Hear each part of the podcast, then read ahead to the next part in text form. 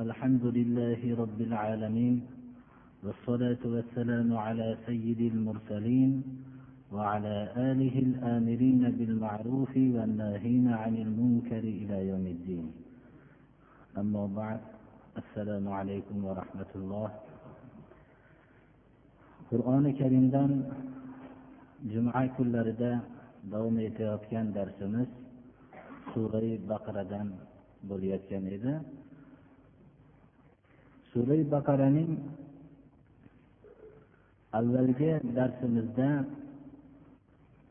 infoq ya'ni sarf qilish sarf qilishlikning odoblari va uning samaralari haqida so'zlab o'tgan bo'ldik. Bugungi qur'oni karimdan bo'lgan darsimiz shu sadaqot dusturining davomi bo'lgan sadaqot dusturidagi sadaqotlarning turi va ularning yo'llari haqida davom etadi. Alloh subhanahu va taolo kasb qilgan narsalarning pokizalaridan va yerdan olloh bizlarga chiqarib bergan narsalarning ba'zilaridan infoq qilishlikka mo'min kishilarni chaqiradi. Va shu infoq qilingan vaqtda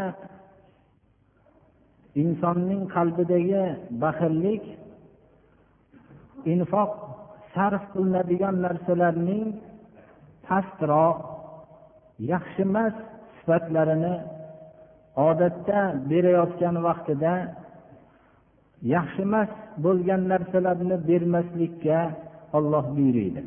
Balki yaxshilarini berishlikka. Chunki insonga agar sarf qiluvchi kishiga o'ziga ham shunday yaxshi emas narsalar berilganda ayblab qabul qilishligini bayon qiladi. Inson berayotgan narsasini yaxshi yomonligini bilishlik uchun o'zi shu narsani olayotgan vaqtda qanday holatda olishligini esga olsa beradigan narsaning yaxshisi nima ekanligini darrov anglab oladi. Va alloh subhanahu va taolo bu infoqning manfaati insonlarning o'ziga ekanligini bildirib alloh sizlarning qilgan sarf sarflaringlarga muhtoj emas.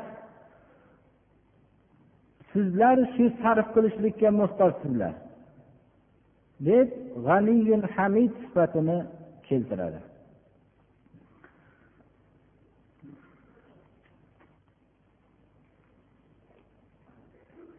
Insonni sarf qilishlikdan to'sadigan narsani ham bayon qiladi. Insonni yaxshiliklardan to'stiradigan narsa. Agar sarf qilsa kambag'al bo'lib qolishligidan qo'rqitadigan narsa shayton ekanligini bayon qiladi. Alloh subhanahu va taolo infoqqa buyuriydi va infoq bilan birga shu sarf qilgan kishilarga o'zini tarafidan gunohlarni mag'firat qilishlikni va yana ularning moli dunyolarini ko'paytirib berishligini va'da qilishligini bayon qiladi xullas infoqning turlari va uning yo'lini bugungi darsimizda inshaalloh qisman o'rganamiz استعيذ بالله يا أيها الذين آمنوا أنفقوا من طيبات ما كسبتم ومما أخرجنا لكم من الأرض ولا تيمموا الخبيث منه تنفقون ولستم بآخذيه إلا أن تغمضوا فيه واعلموا أن الله غني حميد ey iymon keltirgan kishilar iymon keltirgan kishilarga umumiy chaqiruv har bir zamondagi har bir makondagi iymon keltirgan kishilarni alloh subhanahu va taolo chaqirib o'zinglar kasb qilgan narsalarning pokizalarini sarf qilinglar deb buyuryapti. Birinchi inson kasb qilgan narsa hammasi pokiza bo'lmaydi. Ba'zi kishilarning topgan narsalari halol bo'ladi. Ba'zi kishilarning topgan narsalari shubhali bo'ladi. Ba'zi kishilarning topgan narsalari qat'an harom bo'ladi. Alloh subhanahu va taolo qiyomat kuniga jo'natayotgan narsani sarf qilyap kasb qilgan narsaning pokizasi bo'lishligiga ishora qilyapti. Pokizasini olloh qabul qiladi. Ollohni huzuriga pokiza amal ko'tariladi. Nopok bo'lgan amallar ollohning huzuriga ko'tarilmaydi. Ana kasb qilgan narsalarning pokizalarini sarf qilinglar. Infoq kalimasi odatda farz sarf qilishlikka ham naflga ham shomil bo'ladi. Ko'proq iste'moli naflan ixtiyoriy suratdagi bo'lgan ehsonlarni o'z ichiga oladi. Yerdan sizlarga chiqarib bergan narsalarning ba'zisidan sarf qilinglar. Yerda bizga alloh subhanahu va taolo hamma narsani bizga yerdan chiqarib beryapti. Yerdan butun dehqonchilik mahsulotlarini ham chiqarib beryapti. Ekib undirayotgan odam hech qaysi bir kishi davo qila olmaydiki men shu narsani qilyapman deb va shu yerdan chiqargan hozirgi vaqtdagi mana konlar va butrul bu narsalarning hammasi yerdan alloh subhanahu va taolo insonlarga chiqarib beryapti. Kalimasi umumiy ma'noni bildiryaptiki yerdan biz sizlarga chiqarib bergan narsalardan ollohni yo'lida infoq qilinglar deyapti. Agar islom nizomi barpo bo'lsa islom nizomida ollohning mana shu buyrug'i insonlar hammasi kasb qilgan narsalarning pokizasidan ollohni yo'lida infoq qilishlik o'zlarining vazifasi deb bilishadilar. Va yerdan olloh bizlarga chiqarib bergan konlar va boshqa suyuqlik moddalari hammasini shuning bir qismini ollohni yo'lida sarflashlik musulmon jamoa o'zining vazifasi deb his qiladi ولا تيمموا الخبيث منه تنفقون ولستم بآخذيه إلا أن تغمضوا فيه sizlar infoq qilayotgan narsaning yomonini maqsad qilmanglar infoqqa infoq qilishliginglar uchun infoq qilayotgan narsani yomonini maqsad qilib shuni qasd qilib sarf qilmanglar. Agar o'zinglarga shu yomon narsa berilsa sizlar buni ayblab turib olasizlar o'zinglar. Menga shu yomon narsani beribdimi deb o'zidan oshib qolgan narsani beribdida deb ayblab olasizlar. Demak insonlar bir biriga berayotgan vaqtida xususan bir e'tiborliroq hurmatliroq kishiga bir narsa bermoqchi bo'lsa yaxshiroq narsani maqsad qilinardi ota onalarga biror bir narsa bermoqchi bo'lsa yaxshirog'ini qasd qilib berilardi. Olloh infoq qilinglar deb nido qilganda olloh beringlar deb nido qilganda ollohni huzuriga jo'natayotgan narsani yomonini qasd qilishlik hikmatga ziddir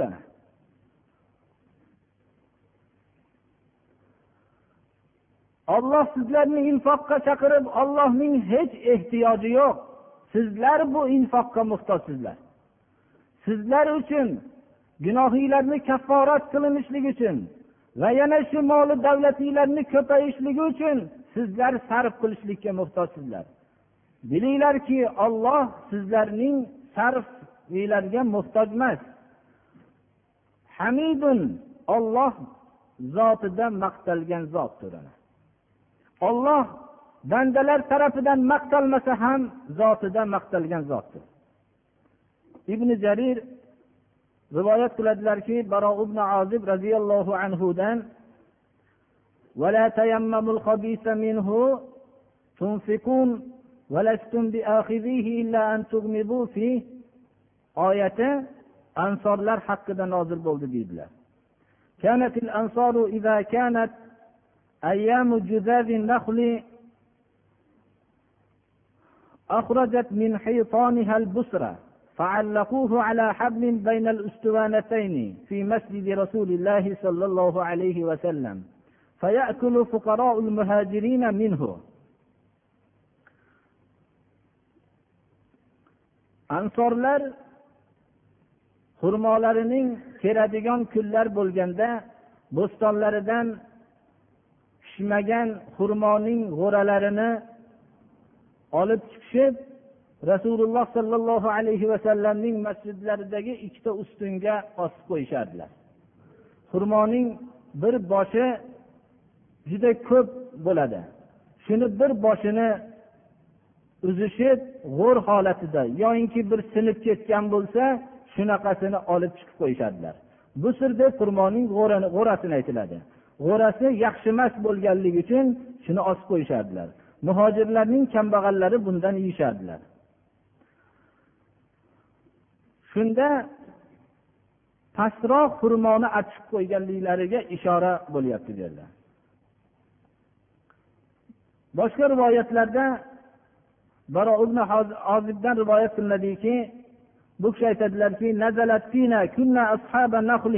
فكان الرجل يأتي من نخله بقدر كثرته وقلته. فيأتي رجل بالقنو فيعلقه في المسجد. وكان أهل الصفة ليس لهم طعام فكان أحدهم إذا جاء جاء فضرب بعصاه فسقط منه البسر والتمر فيأكلون. وكان أناس مما لا يرغبون في الخير يأتي بالقنو الحشف والشيص. فيأتي بالقنو قد انكسر فيعلقه. فنزلت أستعيذ بالله ولا تيمموا الخبيث منه تنفقون ولستم بآخذيه إلا أن تغمضوا فيه. قال لو أن أحدكم أهدي له مثل ما أعطي مثل ما أعطى ما أخذه إلا على إغماض وحياء. فكنا بعد ذلك يجيء الرجل منا بصالح ما عنده.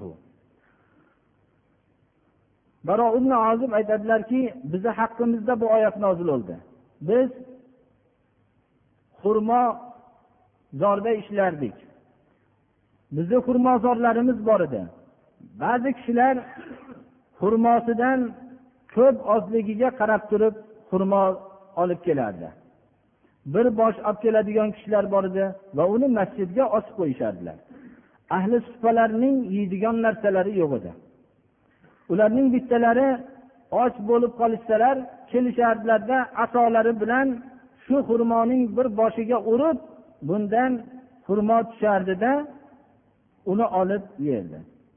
Ba'zi yaxshilikka rag'bat qilmaydigan kishilar past xurmolarini olib kelishardi. Yaxshilarini olib qo'yib yomonlarini olib kelishardi. Ba'zilari bo'lsa sinib ketgan shoxini olib kelishardi.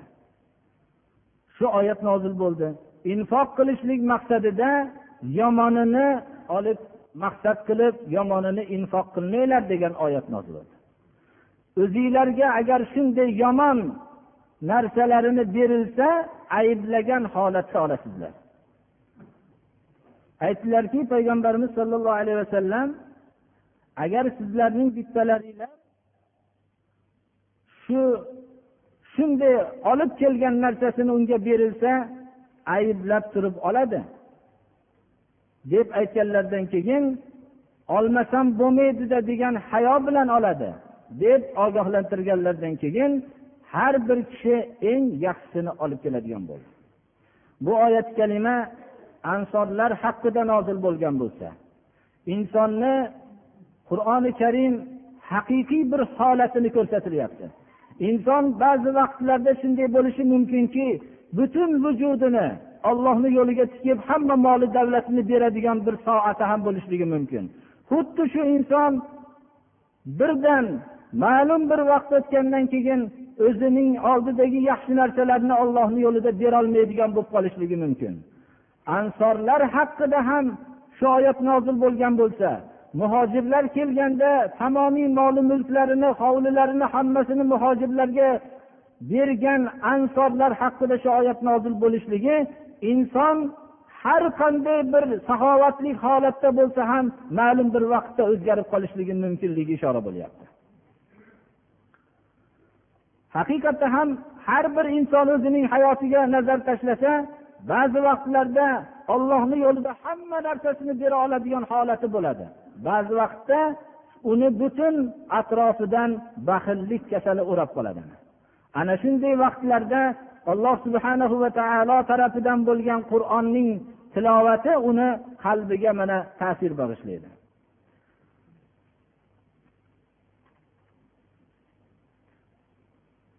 الشيطان يعدكم الفقر ويأمركم بالفحشاء والله يعدكم مغفرة منه وفضلا vallohu vasiun alim. Shayton sizlarga shayton sizlarni kambag'allikdan qo'rqitadi.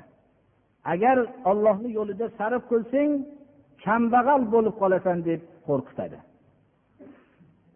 Olloh sizlarga mag'firat va'da qiladi.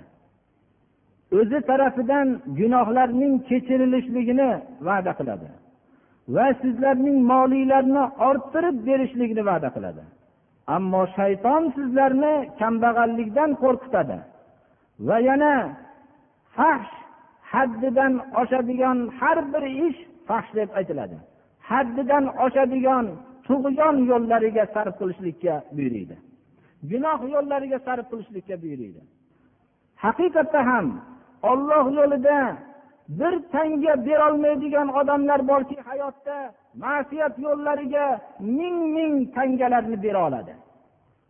Bu shundan bilamizki shayton unga olloh yo'lida qiyomat kunida unga zarur bo'ladigan infoq bo'lgan vaqtda kambag'al bo'lishlikni kambag'al bo'lishlikdan qo'rqitadi.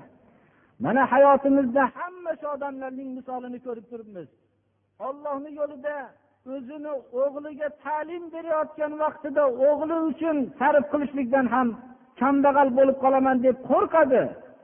Ammo boshqa ma'siyat yo'llari bo'lganda hech qanday faqat turishi yurishi gunoh bo'ladigan ishlarga ming ming tangalarni sarf qilishlikdan tortinmaydi balki shuni miriqib zavq qilib sarf qiladi. Bu shayton kambag'allikdan qo'rqitishlik faqat olloh yo'lida bo'lib qolganda qo'rqitadi. Agar ma'siyat yo'llariga bid'at yo'llariga sarf bo'ladigan bo'lsa shayton targ'ib qiladi unga. Olloh yo'lida bo'lgan sarflarga olloh o'zi tarafidan gunohlarning mag'firat qilinishligini va'da qiladi. Vafo bilan va dunyoda ham yutkazmaydiki olloh yo'lida sarf qilgan kishi olloh va'da qilyaptiki unga molini ko'payishligini ham va'da qiladi. Ollohni mulki keng. Olloh xohlagan odamiga beradi. Alimun kimga molini orttirib berishlikni yaxshi biladi. Kimni gunohlarini kechirishlikni yaxshi biladi. Qalblardagi olloh yo'lida sarf qilyaptimi? Shayton yo'lida sarf qilyaptimi? Savob yo'lida sarf qilyaptimi? Ma'siyat yo'lida sarf qilyaptimi? Olloh o'zi biladi. Olloh odamlarga faqat moli davlatlarinigina ziyoda qilib berib qo'ymasdan olloh odamlarga gunohlaridan mag'firatnigina berib qo'ymasdan balki hikmatni ham beradi. ومن يؤت الحكمة فقد أوتي خيرا كثيرا وما يذكر إلا أولو الألباب olloh hikmatni xohlagan odamga beradi kimga hikmat berilgan bo'lsa ko'p yaxshiliklar berilibdi hikmatni agar bir kishiga berilgan bo'lsa dunyoda juda ko'p yaxshiliklar berilibdi hikmat har bir narsaning mo'tadil suratda o'zini o'rnida ishlata bilishlikdir Ilm bo'lsa har bir narsaning o'zini o'rganishlikdir. O'rgangan narsaning qaysi o'rinda ishlata bilishlikni hikmat deb ataladi. Hikmatni bir izohlashlik uchun masalan saxovatning yaxshiligi saxovat islomiy sifatlardan ekanligida shak shubha yo'q. Qanoatning ham yaxshi sifat ekanligida shak shubha yo'q. Saxovatning yaxshi sifat ekanligini bilishlik ilm. Qanoatning yaxshi sifat ekanligini bilishlik ilm. Halimlikning yaxshi sifat ekanligini bilishlik ilm. Shajoatning yaxshi sifat ekanligini bilishlik ilm. Sabrning yaxshi sifat ekanligini bilishlik ilm.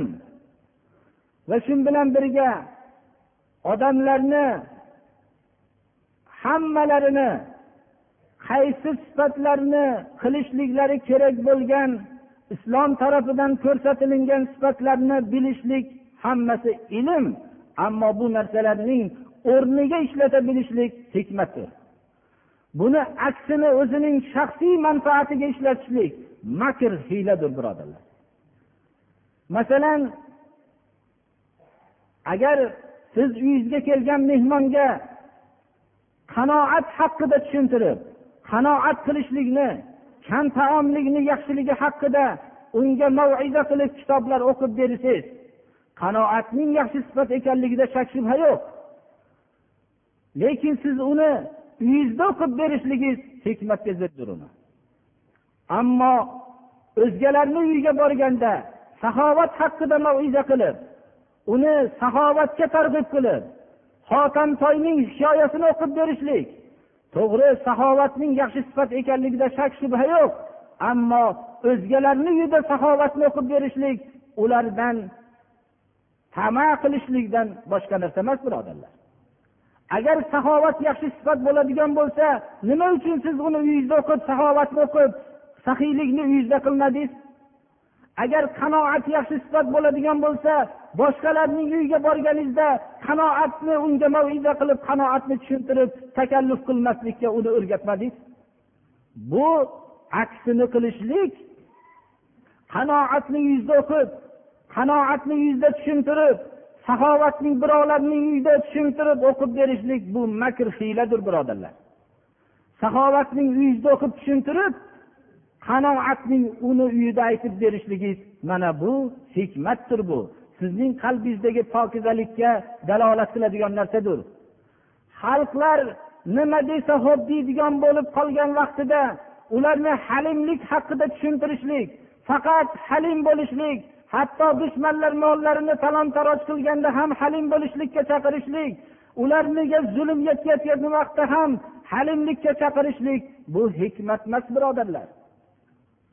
Halimlik yaxshi sifat lekin hamma moli mulkidan judo bo'lgan xalqlarni ularga shajoat sifatini tushuntirishlik hikmatdir birodarlar.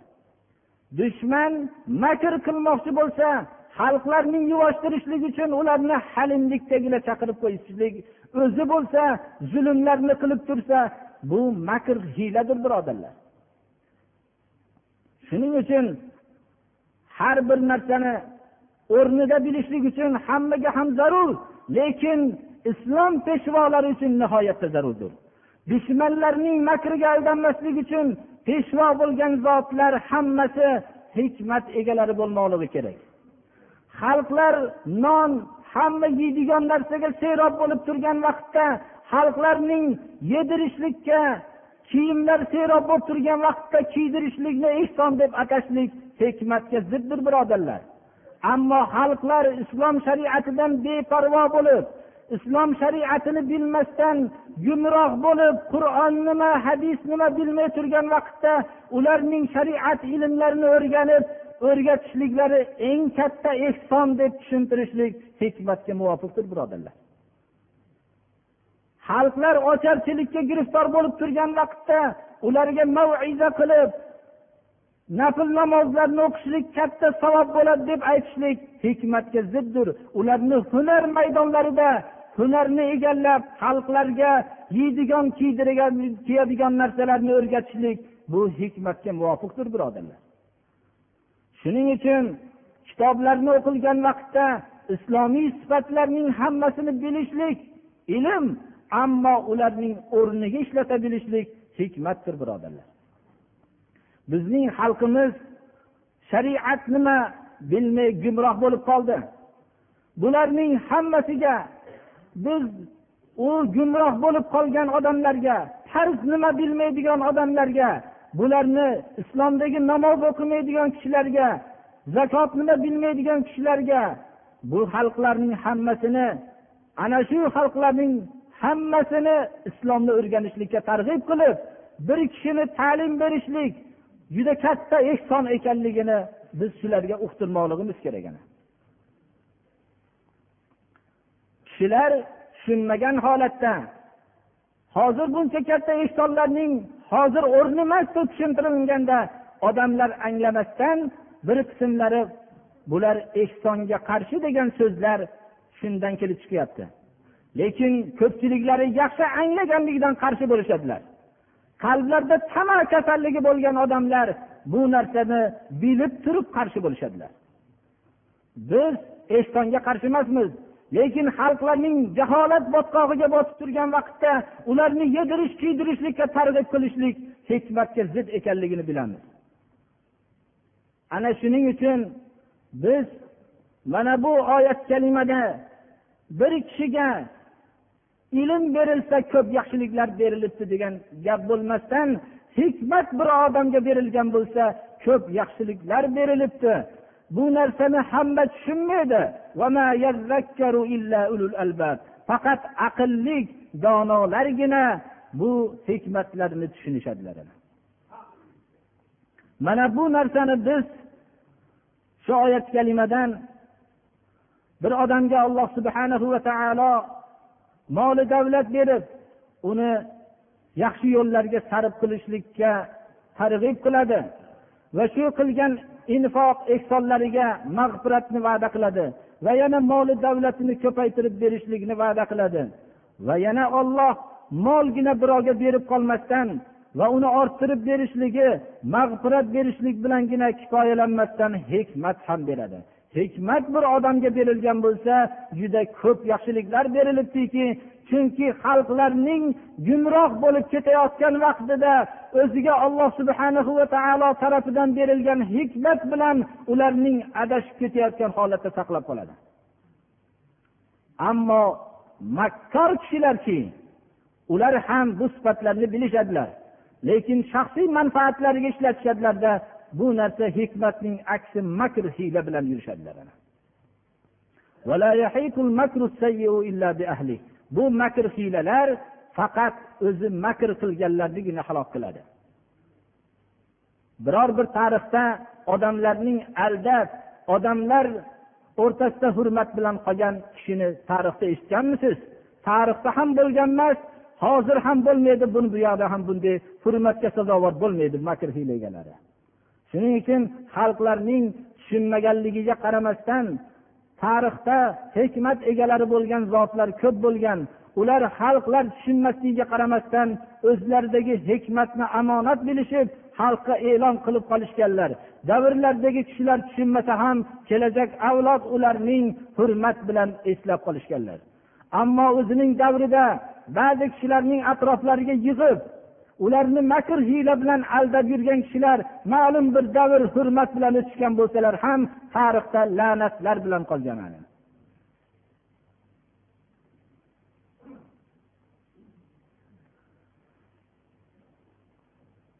وما أنفقتم من نفقة أو نذرتم من نذر فإن الله يعلمه وما للظالمين من أنصار qur'oni karimda islom istilohida nafaqa aksar iste'molida nafl nafaqalarga ishlatiladi. Sadaqot bo'lsa aksar zakotlarga iste'mol qilinadi. Nazr bo'lsa kishi o'zi tarafidan o'ziga lozim qilib olgan narsaga ishlatiladi. Sadaqot olloh tarafidan lozim qilingan vojib qilingan narsadir. Lekin ba'zi o'rinlarda infoq ham sadaqot ma'nosida sadaqot ham infoq ma'nolariga iste'mol qilinadi. Qur'oni karimda mana bu oyatda nima narsani sarf qilsanglar ya'ni ixtiyoriy suratda sarf qilgan narsanglar va o'zinglarga vojib qilib nazr qilgan narsanglar buni ollohni yo'lida sarf qilsanglar olloh buni bilib turadi. Alloh subhanahu va taolo mana bu oyatda mo'minning uchun eng katta mukofot qilib mo'min sarf qilgan sarfini qilgan nazriniga vafo qilayotgan vaqtda bunga mukofot qilib eng katta mukofot qilib ollohning bilib turishligini aytyapti. Inson o'zi biror bir narsani o'zi yaratgan emas. Olloh yaratgan narsani olloh bergan narsani olloh yo'lida sarf qiladi. Zaif bir inson olloh o'zi bergan narsani ollohni yo'lida sarf qilsa buni olloh bilib tomosha qilib turishligi mo'min uchun bundan katta mukofot yo'q. Insonlar biror bir yaxshilik qilsa bu qilayotgan sarflarini bir hurmatliroq kishining ko'rib turishligini shu odam eshitganligiga qancha quvonishadilar? Odamlar biror bir ollohni yo'lida bir narsa sarf qilgan bo'lsa shuni ba'zi bir o'zlariga o'xshagan insonlarning o'rnida shu qilgan sarfini zikr qilinishini shu odamlarning bilishligiga qancha quvonishadilar? Lekin buni olloh bilib turgan bo'lsa bundan katta mukofot yo'q. Siz bir narsani sarf qilayotgan bo'lsangiz olloh buni bilib qarab tomosha qilib tursa bundan katta mukofot yo'q. Agarki oxiratda hech qanday mukofot bo'lmasa ham. Endi bu nodonlikki ollohni tomosha qilib turganligiga kifoyalanmasdan yo'q olloh tomosha qilib turishligi menga kifoya qilmaydi. Menga shu odamlar tomosha qilib turishligi kerak deyishlikdan boshqa narsa emas riyokor ishlari mana bu oyat sizlar nima sarf qilsanglar nima qaysi bir nazrni qilib bunga vafo qilib o'tayotgan bo'lsanglar olloh bilib turadi degan mukofot nihoyatda bir katta bir mukofotdir. Qilgan nafaqalarini olloh bilib turishligi bilan kifoyalanmasdan yo'q odamlar bilib turishligi kerak degan zolimlar va nazr qilishgan bo'lsayu bu nazrlariga vafo qilmagan zolimlarga qiyomat kunida bu qilgan yaxshiliklardan mahrum bo'lib turganda hech qanday yordamchilar bo'lmaydi. Odamlarning bilganligi qiyomat kuni hech qanday asqatmaydi narsani.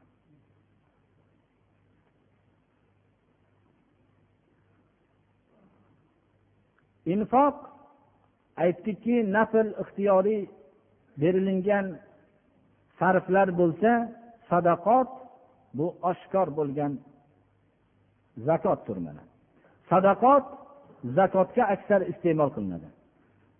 Nafaqalar ya'ni ixtiyoriy berilingan narsalar maxfiy bo'lganligi afzal bo'lganga o'xshagan farz sadaqotlarning zakotlarning oshkor bo'lishligi yaxshiroqdir chunki xalqlar zakot farzini bilib ko'rib turishlari kerakki zakotni bilmagan kishilar shu berilib turgan oshkor berilayotganligidan ular bilishib o'zlari ham mollaridagi farz bo'lgan zakotni o'tashliklariga sabab bo'ladi استعيذ بالله إن تبدوا الصدقات فنعما هي وإن تخفوها وتؤتوها الفقراء فهو خير لكم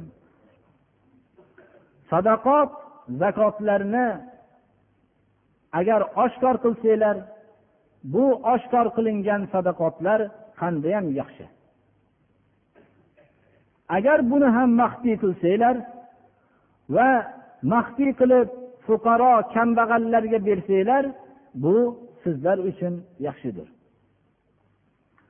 Odatda kambag'allarga xususan o'zlarining ehtiyojotlarini odamlarga bildirmay turgan hech qanday muhtojligini xalqlarga bildirmay yashayotgan muhtoj kambag'al kishilar ular oshkor qabul qilgani hayolari unamaydi shuning uchun ham buni alloh subhanahu va taolo maxfiy qilib alohida ta'kidlab aytyaptiki fuqarolarga bersanglar bu sizlar uchun yaxshidir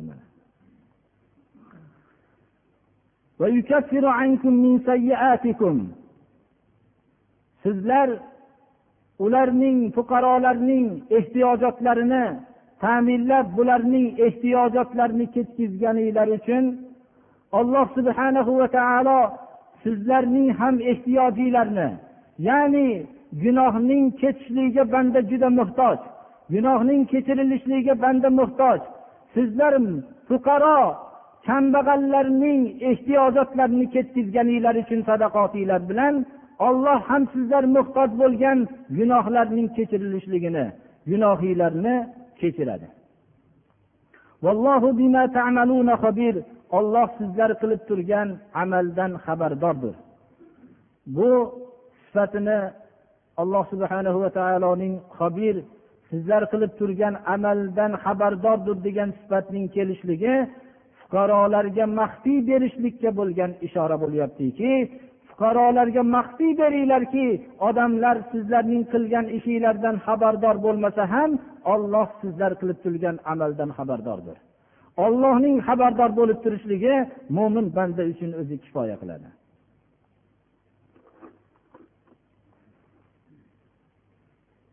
Infoq sarf qilishlik haqidagi oyatning uzoq davom etishligi inson tabiatini islom qanchalik bilganligini ma'lum qiladi.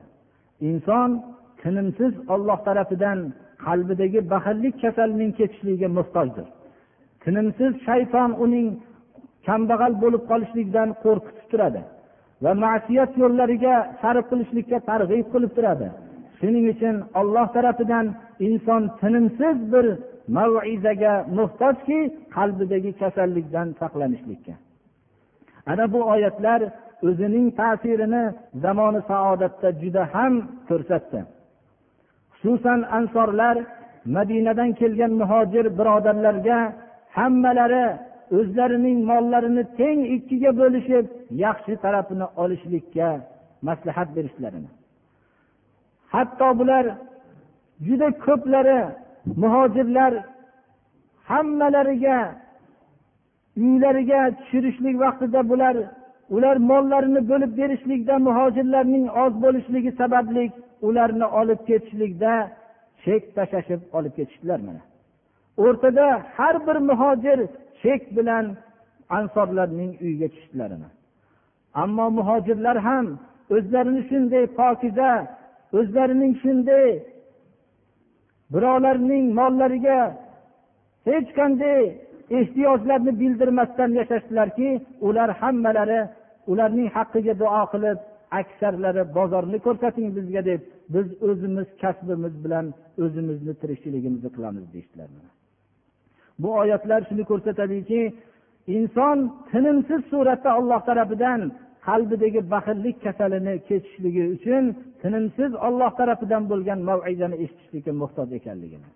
Shu davrdagi zamoni saodatdagi kishilar bo'lib ham arab xalqlari saxovat bilan johiliyat davrida ham mashhur edi.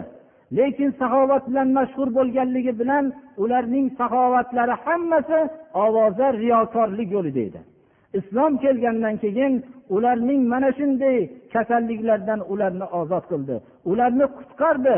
Bularni haqiqiy yo'llarda sarf qiladigan kishilar qilib tarbiyaladi islom tarixidan xabardor bo'lgan kishi bularni hammasini biladi alloh subhana va taolo bizlarni ham qanday narsalarni infoq qilishlikni va qayerlarga infoq qilishlikni bizlarga ham alloh taolo nasib qilsin.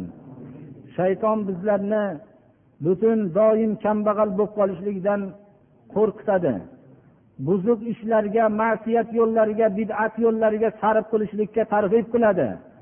Olloh o'zini yo'lida sarf qilgan kishilarga mag'firatni va'da qilyapti va yana mollarini ko'payishligini va'da qilyapti. Har bir kishi molini olloh yo'lida sarf qilayotgan bo'lsa moli ko'paymayotgan bo'lsa bilib o'zini bir tekshirib ko'rsin olloh yo'lida sarf qilmayotgan bo'ladi shu odam. Agar haqiqiy ollohni yo'lida sarf qilsa uni moli kamaymaydi hech qachon. Olloh bu so'zni aytyapti olloh va'da qilyapti ollohni so'zi haq. Shuning uchun agar bir kishi molini olloh yo'lida sarf qilyapman desayu moli ko'paymayotgan bo'lsa bilsinki bir tekshirib ko'rsin molini olloh yo'lida sarf qilmayapti. Riyo boshqa nomuvofiq sifatlar unga birga bo'lib turganligi uchun shu fazl ya'ni ortiq ko'payishlik unga nasib bo'lmayapti agar haqiqiy ollohni yo'lida sarf qilsa olloh va'da qilyaptiki unga gunohlarning mag'firat qilinishligini uni qiyomatga borganda biladi va fazlni va'da qilyapti buni dunyoni o'zida ham ko'radi اهدنا الصراط المستقيم صراط الذين أنعمت عليهم غير المغضوب عليهم ولا الضالين alloh subhanahu va taolo ko'p kishi bir duo qilinglar deb iltimos qildilar nima maqsadlar bo'lsa alloh taolo shu shar'iy maqsadlarni o'zi bersin alloh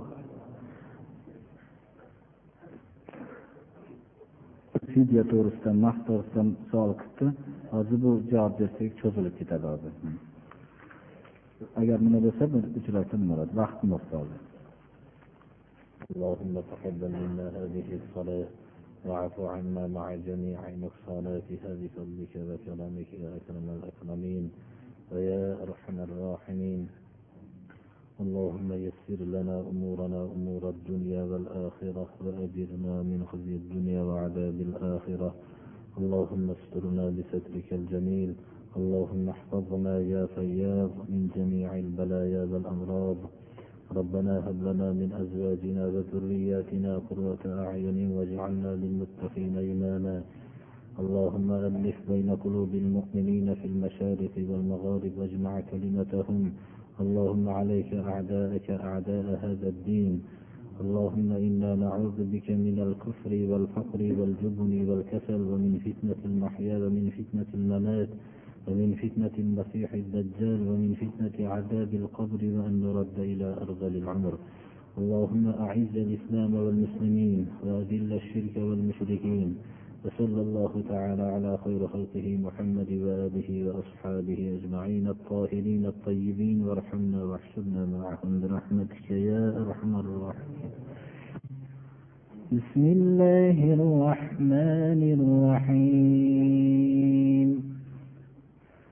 الله الذي جعل لكم الأرض قرارا والسماء بناء وصوركم وصوركم فأحسن صوركم ورزقكم من الطيبات ذلكم الله ربكم فتبارك الله رب العالمين. هو الحي لا إله إلا هو فادعوه مخلصين له الدين.